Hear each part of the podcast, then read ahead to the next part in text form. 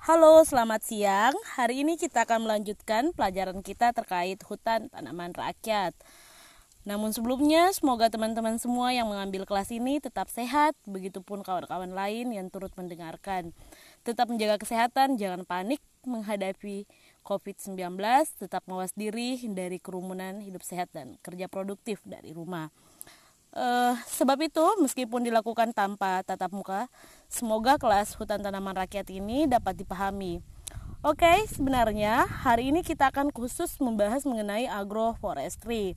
Tetapi sebelumnya, atau sebelum masuk ke inti mengenai apa itu agroforestry dan seperti apa penerapannya di Indonesia, saya akan mulai dari pengantar mengenai apa itu hutan dan apa itu hutan rakyat.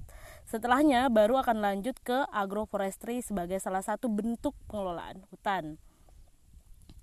Nah, hutan merupakan suatu kesatuan ekosistem berupa hamparan lahan berisi sumber daya alam hayati yang didominasi pepohonan dalam persekutuan alam lingkungannya yang satu dengan lainnya tidak dapat dipisahkan. Ini definisi merujuk pada Undang-Undang tentang Kehutanan Nomor 41 Tahun 199. Saya kira eh, teman-teman di Kehutanan sudah hafal di luar kepala terkait definisi ini. Nah, uh, yang penting juga terus diingat bahwa hutan dan kawasan hutan adalah dua hal yang berbeda. Kawasan hutan adalah wilayah tertentu yang ditetapkan oleh pemerintah untuk dipertahankan keberadaannya sebagai hutan tetap. Nah, sebab itu mengapa kadang-kadang ada kawasan hutan tapi isinya bukan lagi hutan atau kadang kita menemukan hutan tapi bukan bagian dari kawasan hutan karena e, ini dua hal yang berbeda. Nah, eh, minggu-minggu sebelumnya atau pertemuan sebelumnya saya sudah eh, memberikan beberapa pengantar lain, tapi eh, saya ingin mengulang kembali mengenai Undang-Undang 41 tadi undang-undang kehutanan yang memilah hutan berdasarkan kepemilikannya menjadi dua. Yang pertama, ada hutan yang eh, ada hutan yang berada pada tanah negara atau tidak dibebani atas hak milik. Yang kedua, ada hutan milik ada hutan milik atau hutan yang berada pada tanah yang dibebani atas hak. Nah, eh itulah pembeda antara hutan rakyat dan hutan-hutan jenis hutan lain. Kalau hutan rakyat dia dibebani eh, hak milik atau ataupun hak hak lainnya. Jadi hutan rakyat itu alas haknya adalah hak milik. Makanya hutan rakyat kadang juga disebut sebagai hutan privat atau hutan hak.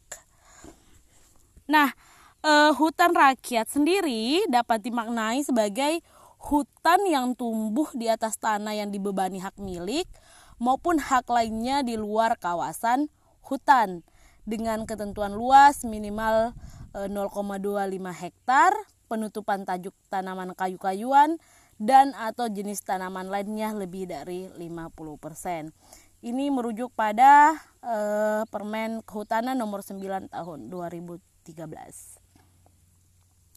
Nah, maksud hutan rakyat itu sendiri sebenarnya ditujukan agar tanaman hutan di luar kawasan hutan negara eh, dalam hal ini lahan milik rakyat ya sebagai upaya rehabilitasi lahan tidak produktif atau lahan-lahan kritis. Makanya dulu awal mula hutan rakyat untuk konteks Indonesia memang e, bersamaan dengan program-program rehabilitasi rehabilitasi daerah aliran sungai. Nah, sampai saat ini juga da, e, hutan rakyat itu e, didorong untuk memprioritaskan atau memulihkan daerah aliran sungai.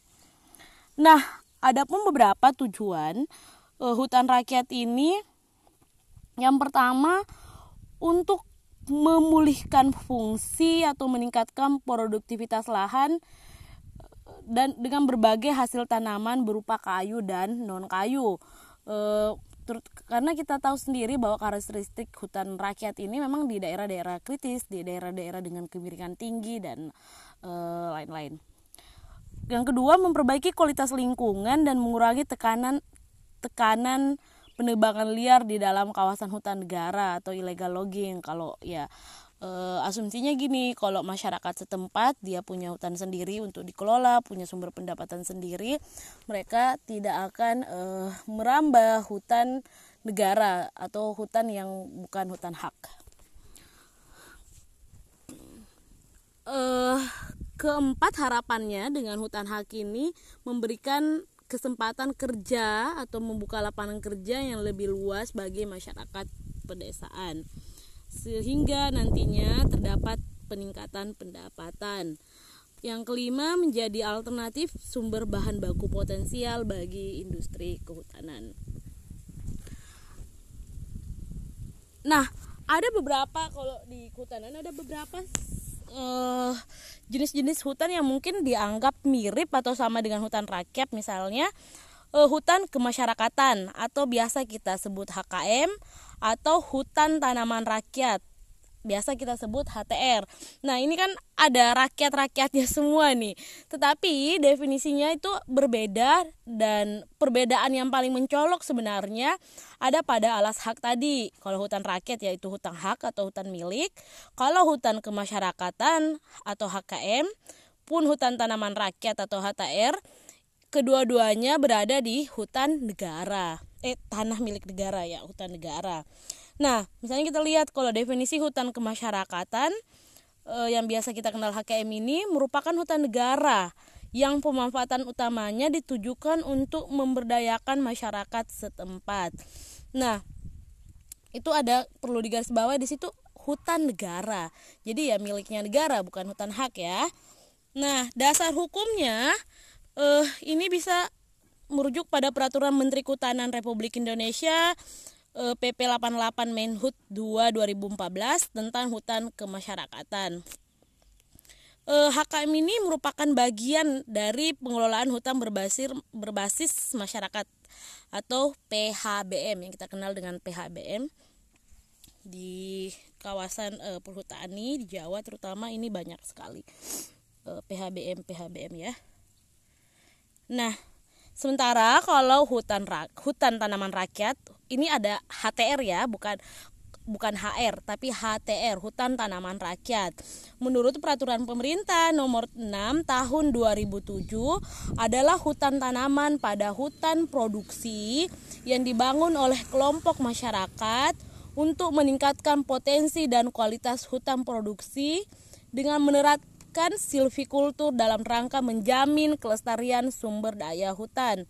Teman-teman bisa lihat di ini di bagian-bagian awal di bab 1 di ayat 19.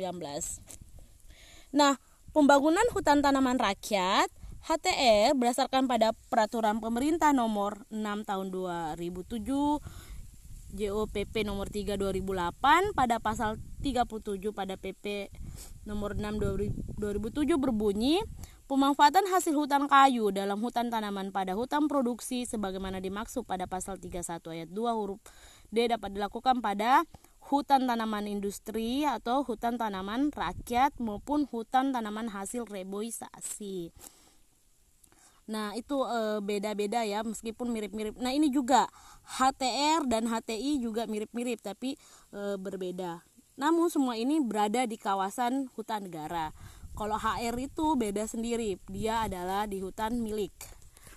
Nah, eh, yang mungkin perlu kita ingat kembali juga bahwa ada skema lain, misalnya di skema perhutanan sosial keseluruhannya juga itu ya eh, bukan hutan milik, mereka semua adalah hutan negara, tapi skema aksesnya yang berbeda-beda. Kita ingat kalau di perhutanan sosial ada lima skema akses, mulai dari eh, hutan adat, yang merupakan hutan yang berada di dalam wilayah masyarakat hutan adat. Yang kedua ada hutan kemasyarakatan yang saya sudah bahas tadi, HKM. Yang kemudian ada hutan desa, ini hutan negara, sama kan hutan negara. E, jadi bukan hutan hak yang pengelolaannya diberikan kepada lembaga desa untuk kesejahteraan desa. Jadi hutan desa itu ya dikelola oleh lembaga desa. Nah, selanjutnya ada HTR ini mirip juga tadi sudah saya bahas lanjut ada yang keempat disebut IPHPS izin pemanfaatan hutan perhutanan sosial nah ini merupakan izin untuk memanfaatkan kawasan hutan negara yang dikelola oleh Perum Perhutani melalui kegiatan pemanfaatan air, energi, jasa, e, jasa kehutanan dan lain sebagainya. Nah selanjutnya ada yang disebut dengan kemitraan kehutanan. Ini kerjasama antara masyarakat setempat dengan pengelola hutan, pemegang izin usaha pemanfaatan hutan atau jasa hutan. Bisa juga dalam bentuk izin pinjam pakai kawasan hutan atau pemegang izin usaha industri primer hasil hutan. Uh, itu mungkin beberapa pengantar sebelum kita masuk ke bagian-bagian pokok dari apa itu agroforestry uh, di pertemuan-pertemuan lalu saya juga sudah memberikan teman-teman uh, beberapa pengantar mulai dari yang seperti yang saya bahas tadi pengertian kemudian ada struktur dan fungsi hutan rakyat manfaat hutan rakyat pengembangan hutan rakyat. Kita sudah uh, bahas di pertemuan tatap muka makanya saya langsung uh, lompati ya bagian-bagian itu. Nah sekarang teman-teman tentu juga masih ingat karakteristik hutan rakyat yang pola pemilikannya relatif kecil. Karena kita tahu ini kan pemiliknya individu atau rumah tangga yang itu enggak dalam satu hamparan luas gitu terpisah-pisah. Makanya salah satu karakteristik utamanya ya dia kecil dan tersebar ke dalam berbagai uh, kelompok atau tidak eh tersebar kecil-kecil gitu tidak mengelompok sorry kemudian uh, biasanya memang hutan rakyat itu relatif tidak subur. E, makanya awalnya tadi saya bilang bahwa dulu dia bersamaan dengan apa program-program penghijauan awal mulanya. Nah yang berbeda juga jenis atau pola tanamnya itu berbeda-beda tergantung si masyarakat atau petani pengelolanya dia bisa multikultur dia bisa monokultur dia bisa agroforestry. Nah, nanti akan kita bahas lebih lanjut yang bagian e, ketiga ini agroforestry. E, karena kepemilikannya individu atau keluarga ya metode pengelolaannya biasanya juga berbasiskan berbasiskan atas kemampuan atau kebiasaan yang digunakan oleh si keluarga pemegang hak milik. Selanjutnya sistem pemanenannya uh, belum biasanya belum mempertimbangkan aspek keberlanjutan uh, hutan rakyat ini terkadang dia panennya itu kayak menggunakan sistem ini uh, tebang butuh kalau misalnya sedang butuh duit buat bayar SPP anak-anak sekolahan atau tiba-tiba ada yang sakit masuk rumah sakit mau mengadakan kawinan kadang pohonnya atau tegakan itu tiba-tiba dipanen dijual. Meskipun belum sampai eh, apa eh, belum sampai pada waktu agar pohon itu dipanen dia biasanya sudah memanen. Karena itu bentuk panennya tebang butuh. Makanya dia sering sekali belum berkelanjutan Nah, sebab itu mekanisme perdagangan kayu juga belum sepenuhnya berpihak pada hasil-hasil kayu dari hutan rakyat. Terutama kan hasil hutan rakyat ini kadang belum tersertifikasi dan lain sebagainya sehingga menyusahkan e, petani hutan. Nah, kawan kawan-kawan lebih lanjut mungkin juga ini masih diingat saya masih mengulang beberapa bagian. Misalnya tujuan pembangunan hutan rakyat itu sendiri e, ditujukan untuk meningkatkan pendapatan petani terutama yang e, tinggal di daerah lahan-lahan kritis. Karena selama ini lahan-lahan kritis itu ya dibiarkan saja tidak diolah. Maka ada makanya masuk program hutan e, rakyat ini. Yang kedua memperbaiki kualitas lingkungan eh, pada lahan milik rakyat terutama melalui pengelolaan air dan e, jasa lingkungan. E, ini e, pemanfaatan lahan-lahan tidak produktif untuk tanaman musiman dan tahunan. Kemudian pengake, pengakena apa?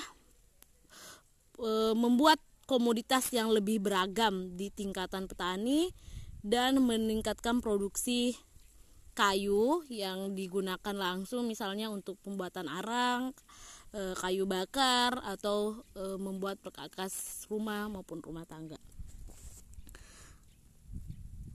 Nah, selanjutnya eh, di struktur atau pola hutan rakyat itu biasanya dia komposisinya ditentukan oleh si pemilik lahan. Nah, struktur hutan rakyat yang ada biasanya berupa tanaman semusim yang kemudian memiliki nilai ekonomi yang itu digabung dengan tumbuhan e, atau tegakan. Jadi biasanya ada pepohonan-pepohonan yang di hutan rakyat itu ditanam ada jati, sengon, jabon, suren, mahoni, karet dan lain-lain.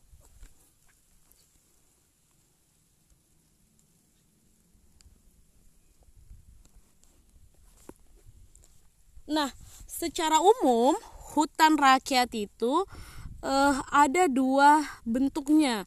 Ada yang melihat hutan rakyat secara tradisional merupakan cara penanaman tanaman hutan pada tanah milik eh, atau tanah milik tanah privat ya yang diusahakan oleh masyarakat secara mandiri tanpa campur tangan pemerintah sama sekali. Nah, biasanya uh, ini banyak dipraktekkan sebenarnya di orang-orang tua kita di kampung-kampung. Uh, mereka menanam buah-buahan seperti durian, uh, kemudian uh, mereka juga membuat uh, me melakukan tanaman uh, musiman di situ. Selanjutnya ada yang disebut dengan hutan rakyat instruksi Presiden Impres, hutan rakyat yang penanaman, penanamannya murni dilakukan di tanah terlantar. Pembangunan hutan rakyat ini diprakarsai oleh proyek bantuan penghijauan. Itu tadi yang saya bilang bahwa awal, mula, awal mulanya ini berkenaan dengan e, penghijauan wilayah-wilayah kritis e, atau krisis di Indonesia. Nah, makanya e, pola tanamnya hutan rakyat ini ada beberapa bentuknya. Ada yang hutan rakyat murni. Hutan rakyat murni ini e, ditanami dengan satu jenis pohon kayu-kayuan saja. Kemudian ada yang kedua itu hutan rakyat campuran. Hutan rakyat ini biasanya ditanami dengan lebih dari satu jenis tanaman keras. Selanjutnya ada hutan rakyat sistem agroforestry. Nah hutan rakyat sistem agroforestry ini dengan cara tumpang sari. Merupakan ini klasik banget tumpang sari. Merupakan pola pengelolaan hutan rakyat yang cukup baik untuk dikembangkan di Indonesia. Yang ini sebenarnya ya kayaknya banyak sekali petani yang mempraktekkan ini. Makanya aku bilang klasik banget nih tumpang sari. Uh, Nah, oke okay, itu beberapa pengantar terkait dengan hutan rakyat itu sendiri. Nah, hari ini kita akan fokus membahas mengenai agroforestry. Sebenarnya nah, sebenarnya belum ada definisi final final yang disepakati semua orang atau ahli mengenai apa itu agroforestry. Namun, singkatnya, agroforestry sebagai ilmu pengetahuan baru terkait pertanian dan kehutanan itu menggabungkan unsur tanaman dan pepohonan dalam pengelolaan sumber daya, khususnya hutan atau tanah. Nah, ilmu ini berusaha memahami dan mengembangkan lebih lanjut terkait sistem-sistem agroforestry atau pengelolaan lahan yang telah dipraktekkan oleh petani sejak berabad-abad berabad yang lalu. Makanya agroforestry ini biasa orang sebutnya ini ini sih emang ilmu baru tetapi praktiknya udah lama, sudah sejak dulu orang tua-tua kita telah mempraktikkannya. Nah, agroforestry klasik sendiri e, berkenaan mungkin dengan teman-teman yang sudah mengambil e, mata kuliah pengantar e, pertanian di sejarah juga kalau kita bahas eh, di sejarah pertanian itu bahwa pada mulanya manusia untuk mempertahankan koloninya atau eksistensinya untuk bertahan hidup dia melakukan eh, kegiatan berburu atau hunting. Nah, setelah itu kemudian ia mengumpulkan makanan atau food gathering. Selanjutnya beralih ke cara-cara bercocok tanam dan beternak atau plants and animals domestication yang tadinya eh, hewan-hewan itu berada di dalam hutan harus berburu setiap saat untuk mengkonsumsi hewan kemudian diternakkan di sekitaran uh, apa tempat mereka tinggal. Nah, sebagai bagian tidak terpisahkan dari seluruh proses tadi, mulai dari hunting, food gathering, uh, plants and animals domestication, uh, manusia itu menebang pohon, membakar belukar dan selanjutnya melakukan budidaya tanam, tanaman. Sampai kemudian terjadi proses pertanian uh, apa? Uh, tebang, bakar yang dianggap nah, ini dianggap sebagai mula dari sistem agroforestry klasik. berladang itu sebagai mula agroforestry klasik uh, selain itu ada uh, sistem-sistem lain seperti gardening berkebun yang banyak di wilayah-wilayah Asia di Sulawesi juga saya kira banyak dilakukan hal seperti ini misalnya uh, ada kebun hutan dan kebun pekarang, pekarangan yang disebut forest and home gardens jadi kita tuh kayak ada kebun di sekitar rumah terus kita juga punya kebun yang jauh sekali harus ditempuh 5 km, 7 km jaraknya. Nah, eh, praktek berkebun ini diduga sebagai eh, eh, awalnya diduga terjadi karena tanaman yang tumbuh spontan dari biji-bijian yang dibuang di lahan-lahan eh, sekitar rumah atau lahan pertanian. Eh, pekarangan eh sorry bukan lahan pertanian, lahan pekarangan yang kemudian tumbuh menjadi pohon-pohon dan lebih memudahkan e, masyarakat yang bermukim di situ. Pada akhirnya e, mereka e, membuat proses ini secara terus-menerus e, membuang biji-bijian misalnya yang nggak dimakan atau sisa sudah dimakan lalu kemudian itu tumbuh dan meranggap ih lebih mudah nih kalau kayak begini prosesnya nggak perlu masuk hutan lagi sehingga kemudian dilakukan proses e, ber bertani atau berkebun di sekitar tempat tinggal. Nah, makanya dalam beberapa sejarah pertanian ada orang yang bilang bahwa eh, mekanisme pertanian ini dipelopori oleh perempuan karena tadinya mereka yang berurusan dengan pangan atau eh, tanam-tanaman ini ke eh.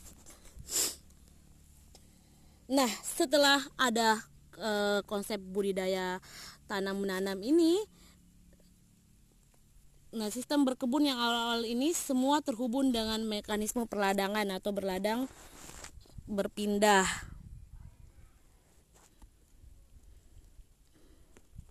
Yang e, itu masih menggunakan si e, tegakan tinggi yang dibakar paling belukarnya lalu ditanami tanaman musiman tegakannya belum tidak diapa-apakan sampai kemudian ada yang disebut pra agroforestry modern.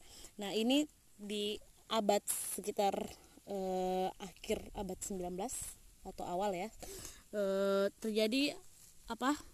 Ada pembangunan hutan tanaman eh, atau pepohonan yang sengaja ditanam oleh ditanam oleh manusia yang kita kenal dengan man-made forest.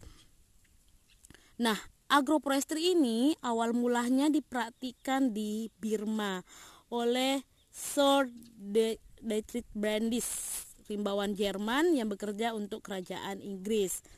Yang e, penerapan sistem tanahnya itu disebut Taungya yang berasal dari dua kata taung yang berarti bukit dan ya yang berarti budidaya. Nah, e, kegiatannya itu e, mengkombinasikan tanaman pertanian, tanaman pangan semusim dengan e, tegakan. Nah, sistem ini juga kemudian diperkenalkan di Indonesia e, tepatnya pada zaman kolonial Belanda e, dalam rangka pengelolaan hutan jati di sekitar akhir abad ke-19. Nah, sistem ini kemudian dikenal sebagai sistem tumpang sari. Di, di kita mengenalnya sebagai tumpang sari sistem ya ini. Nah e, inilah cikal bakal agroforestry modern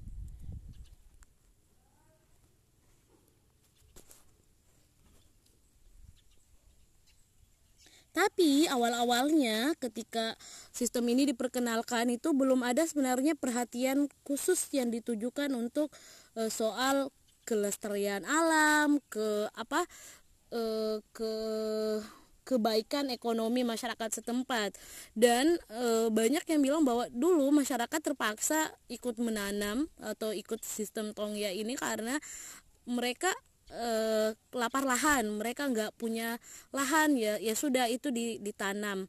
Dan karena e, dan nggak bisa dipanen kayu-kayunya itu. Mereka hanya diperbolehkan tanam tanaman semusim di di bawah tegakan. Ini sebenarnya sih e, mirip sekali dengan e, apa PHBM yang ada di di Jawa ya. Yang mana petani nggak boleh tanam eh panen kayunya. Cuma mereka boleh memanfaatkan yang di bawah-bawah tegakan itu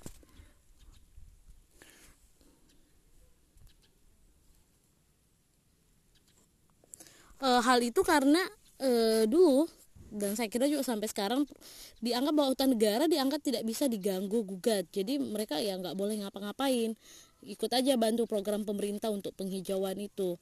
Kemudian e, kalau ngapa-ngapain akan ada ancaman e, atau digugat karena merusak atau merambah kawasan hutan.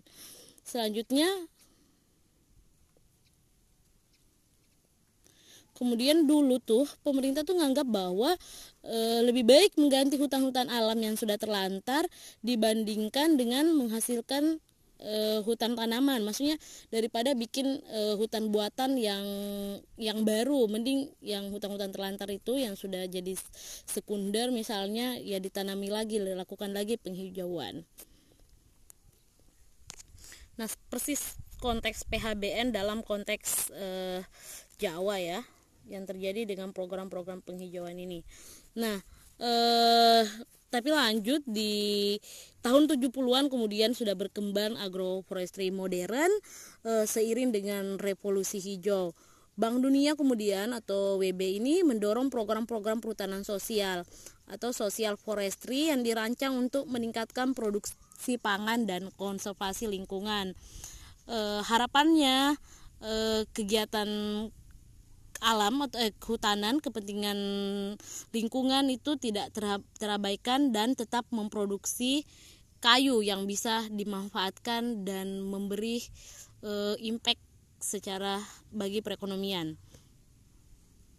Nah, di tahun 70-an ini eh, organisasi FAO Pangan Dunia ini e, membuat satu direktur jenderal baru yakni untuk hutanan dan pembangunan. Nah, pada saat pada fase-fase inilah kemudian banyak muncul program-program social forestry, forestry for rural development yang pada akhirnya ada namanya terbentuk lembaga ICRAF yang dikenal sebagai International Council for Research in Agroforestry yang dia beberapa kali mengalami perubahan nama sampai hari ini dikenal sebagai uh, World Agroforestry untuk bisa mengakses banyak sekali bacaan tentang agroforestry ini di laman webnya silakan uh, saja langsung ke World Agroforestry Forestry ORG.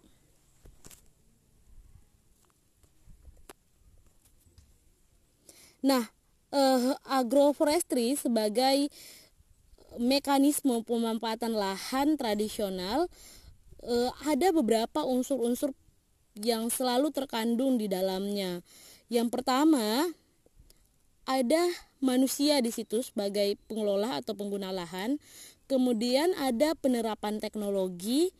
E, selanjutnya ada komponen tanaman semusim dengan tanaman tahunan yang itu bisa disertai dengan peternakan ternak atau hewan. Selanjutnya yang keempat ada apa e, konsep penggunaan waktu bisa bersamaan atau bergiliran. Lalu harus ada yang namanya interaksi ekologi, sosial, dan ekonomi di dalam pengelolaan agroforestry.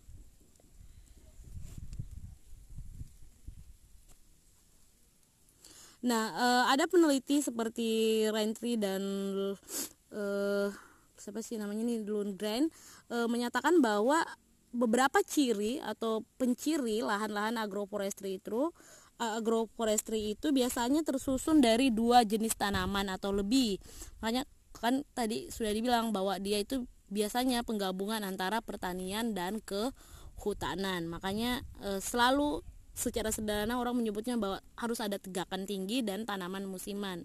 Tapi itu definisi yang paling sederhana.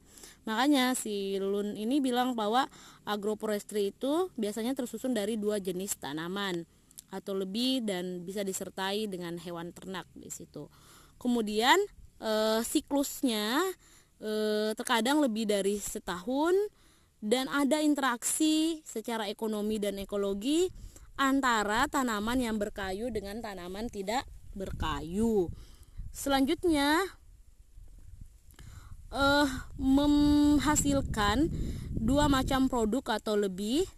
Misalnya nih, ada kayu bakar, ada buah-buahan, ada obat-obatan, ada kayu-kayuan, tegakan dan lain sebagainya. Jadi pokoknya dia menghasilkan e, beragam komponen hasil hasil hutan dan pertanian dan dia memiliki fungsi pelayanan serta eh, apa ya pemulihan sebenarnya terhadap ekosistem yang kritis atau krisis eh kritis. Eh, kemudian eh, agroforestry ini um, diharapkan sebagai eh, langkah paling sederhana untuk memulihkan kondisi biologis terkait dengan struktur dan fungsi e, biologis tanah dan biasanya dia lebih kompleks daripada e, pertanian yang bersifat monokultur. Nah, itu beberapa pen, pencirinya.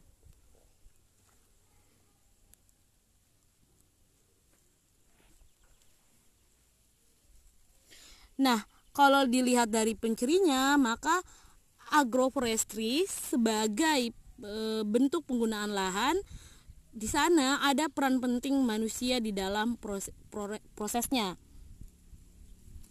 Mengingat agroforestry merupakan suatu sistem buatan atau man-made dan merupakan aplikasi praktis dari interaksi manusia dengan sumber daya alam yang ada di sekitarnya.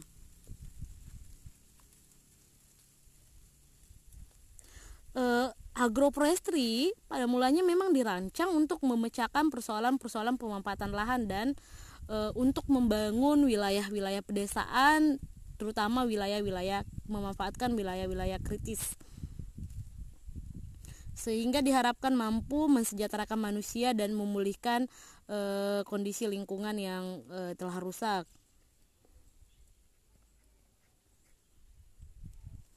Nah, sebab itu manusia merupakan komponen terpenting dari suatu sistem agroforestry. Dalam melakukan pengelolaan lahan, manusia melakukan interaksi dengan komponen-komponen agroforestry lainnya. Nah, agroforestry ini setidak-tidaknya dia ada tiga komponen utama. Yang pertama, ada lingkungan abiotis ya berurusan dengan eh, air, topografi, tanah, iklim dan e, lain sebagainya yang berkaitan dengan abiotis. Yang kedua ada lingkungan biotis berurusan dengan tumbuhan berkayu, tumbuhan tidak berkayu, kemudian e, ternak, hewan, ikan yang di, di apa dibudidayakan di lahan yang sama serta mikroorganisme yang ada e, terkandung di tanah tersebut. Ketiga ada lingkungan budaya berkaitan dengan informasi, teknologi, alokasi sumber daya, disparitas penguasaan lahan e, menjadi isu-isu yang berkaitan dengan lingkungan budaya ketika kita berurusan dengan agroforestry. Nah, komponen tiga komponen ini biasa disebut dengan ABC atau disebut abiotik, biotik dan culture sebagai bagian penyusun dari sistem agroforestry.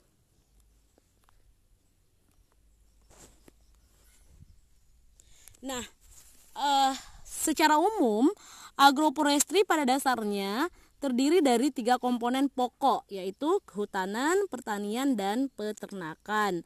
Nah, masing-masing komponen ini sebenarnya dapat berdiri sendiri sebagai satu bentuk sistem penggunaan lahan.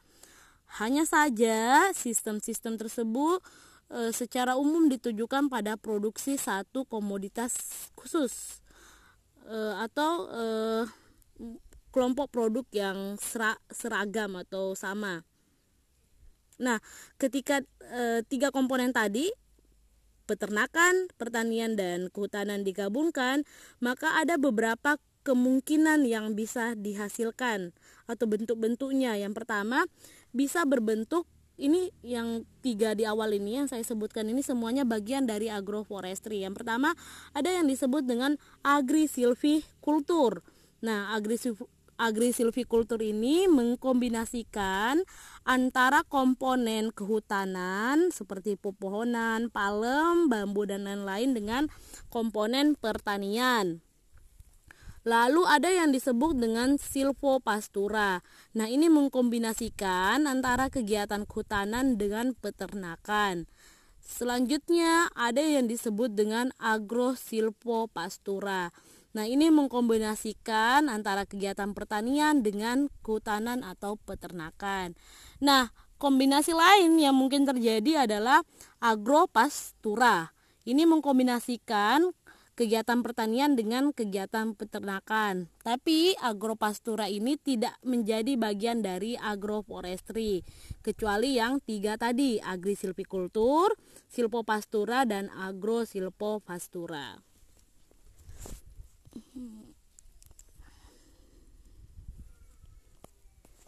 Nah, eh, lebih lanjut, ada beberapa kemudian keunggulan-keunggulan agroforestry. Yang pertama dari sisi produktivitas. Bahwa e, penanaman sistem campuran e, ini e, biasanya produktivitasnya lebih tinggi dibandingkan penanaman mode, model monokultur. Outputnya biasanya lebih besar e, dari sisi penggunaan lahan yang sama. Selain itu biasanya sepanjang tahun itu bisa e, menghasilkan panen karena ganti-gantian biasanya dipanen dibandingkan kalau monokultur. Yang kedua e, dari sisi di diversitas Nah, pengkombinasian komponen e, agroforestry ini menghasilkan di, diversitas, diversitas atau keberagaman yang lebih tinggi e, menyangkut output dari jasa pertanian atau eh, output dari output dari kegiatan pertanian maupun kehutanan yang dilakukan dibandingkan melakukan budidaya tunggal karena dia akan lebih beragam. Kemudian eh, yang ketiga eh, kemandirian eh, diversifikasi yang tinggi dalam agroforestry diharapkan mampu eh, meningkatkan eh, apa output dari tanah yang dikelola oleh masyarakat sehingga e, mereka bisa memperoleh manfaat ekonomi yang lebih besar. Kemudian selanjutnya e, stabilitas melalui e, kegiatan agroforestry ini yang e, produ yang lebih produktif, lebih beragam dan mandiri e, diharapkan menjaga e, stabilitas ekonomi rumah tangga petani juga penguasaan lahan atau pengelolaan lahan sehingga eh, kehidupan petani eh, terutama wilayah pedesaan lebih berkelanjutan. Nah, eh, sistem penggunaan lahan ini secara umum kan eh, sistem penggunaan lahan itu ada tiga, ada hutan alami, kemudian ada hutan alami yang hutan primer hutan primer ya. Kemudian ada hutan buatan dan ada e, pertanian. Nah, hutan buatan ini dibagi lagi menjadi dua, ada yang agroforestry dan ada yang perkebunan. Nah, e, kita akan concern melihat ke agroforestry ini. E, agroforestry ini bagi menjadi dua lagi. Yang pertama ada yang disebut agroforestry sederhana, e, yaitu minimal menanam dua jenis tanaman. Kemudian ada yang disebut dengan agroforestry kompleks uh, agroforestry kompleks ini biasanya uh, tanamannya lebih beragam, lebih dari dua dan multistrata. Uh, agroforestry sederhana ini suatu sistem pertanian di mana pepohonan itu ditanam secara tumpang sari dengan lebih dari jenis uh, satu jenis tanaman tanaman semusim. Kemudian ada pepohonan juga tentu saja.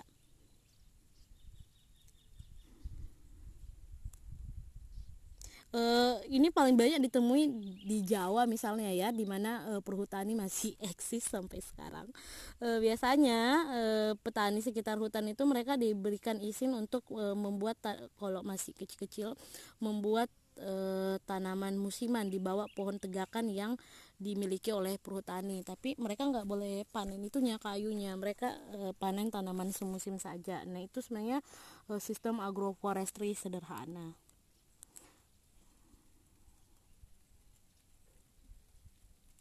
Nah, di agroforestry sederhana juga ada di berbagai wilayah sebenarnya, terutama pada mekanisme pertanian tradisional.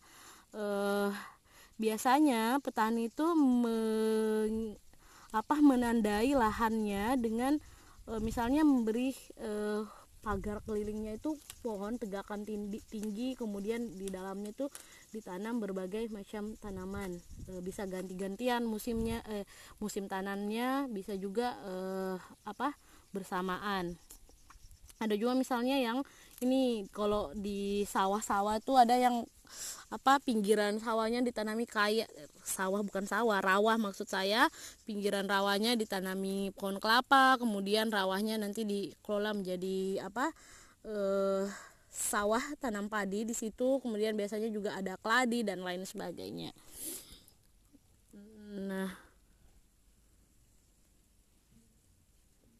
Nah, kalau sistem agroforestry yang kompleks itu biasanya melibatkan e, lebih banyak jenis tanaman e, dan dia sengaja dibuat e, sangat mirip dengan e, hutan apa hutan alamiah di mana di dalamnya itu ada berbagai jenis pohon, kemudian ada tanaman per, perdu, ada liana atau tanaman yang memanjat itu loh kalau ada pohon beringin terus ada apa sih kayak akar-akar itu yang yang bukan akar itu yang menggantung biasanya itu liana e, dan e, ada rumputan dalam jumlah besar. Pokoknya intinya e, penampilan fisiknya tuh le, e, mirip sekali dengan ekosistem hutan alamiah nah dia e, adalah agrosistem apa agroforestry yang kompleks Nah, agrosis apa agroforestry kompleks sendiri dibedakan lagi nanti menjadi dua. Ada yang disebut eh, apa?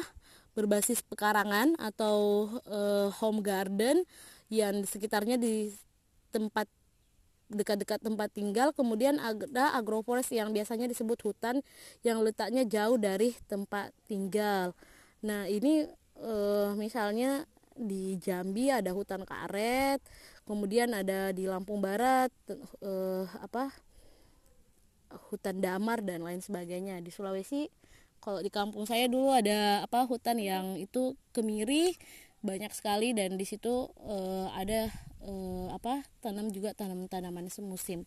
Nah eh, saya kira itu untuk kuliah kita eh, hari ini Sampai jumpa di kelas berikutnya. Jika ada yang mau ditanyakan atau mau diskusikan lebih lanjut, silahkan langsung mengirim ke grup kelas. E, nanti kita bahas lebih lanjut. Untuk tugas dan informasi kuliah selanjutnya saya akan kirim ke grup.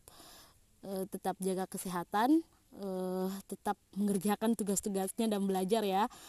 Belajar dari rumah itu bukan berarti libur ya uh, saya pikir cukup untuk hari ini. Terima kasih. Assalamualaikum warahmatullahi wabarakatuh.